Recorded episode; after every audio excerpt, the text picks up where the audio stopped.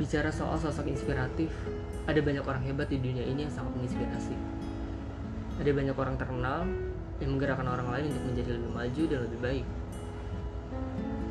Namun bagi gue, ada satu sosok laki-laki sederhana yang sangat dekat dengan gue.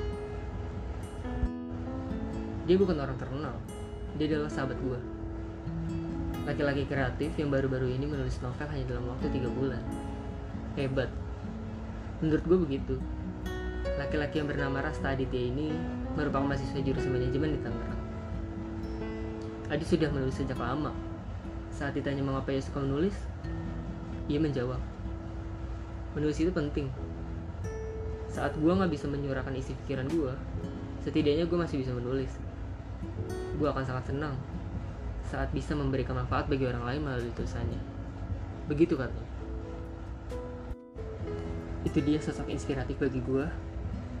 Sosok seorang sahabat yang sederhana dan ingin menjadi bermanfaat bagi orang sekitar.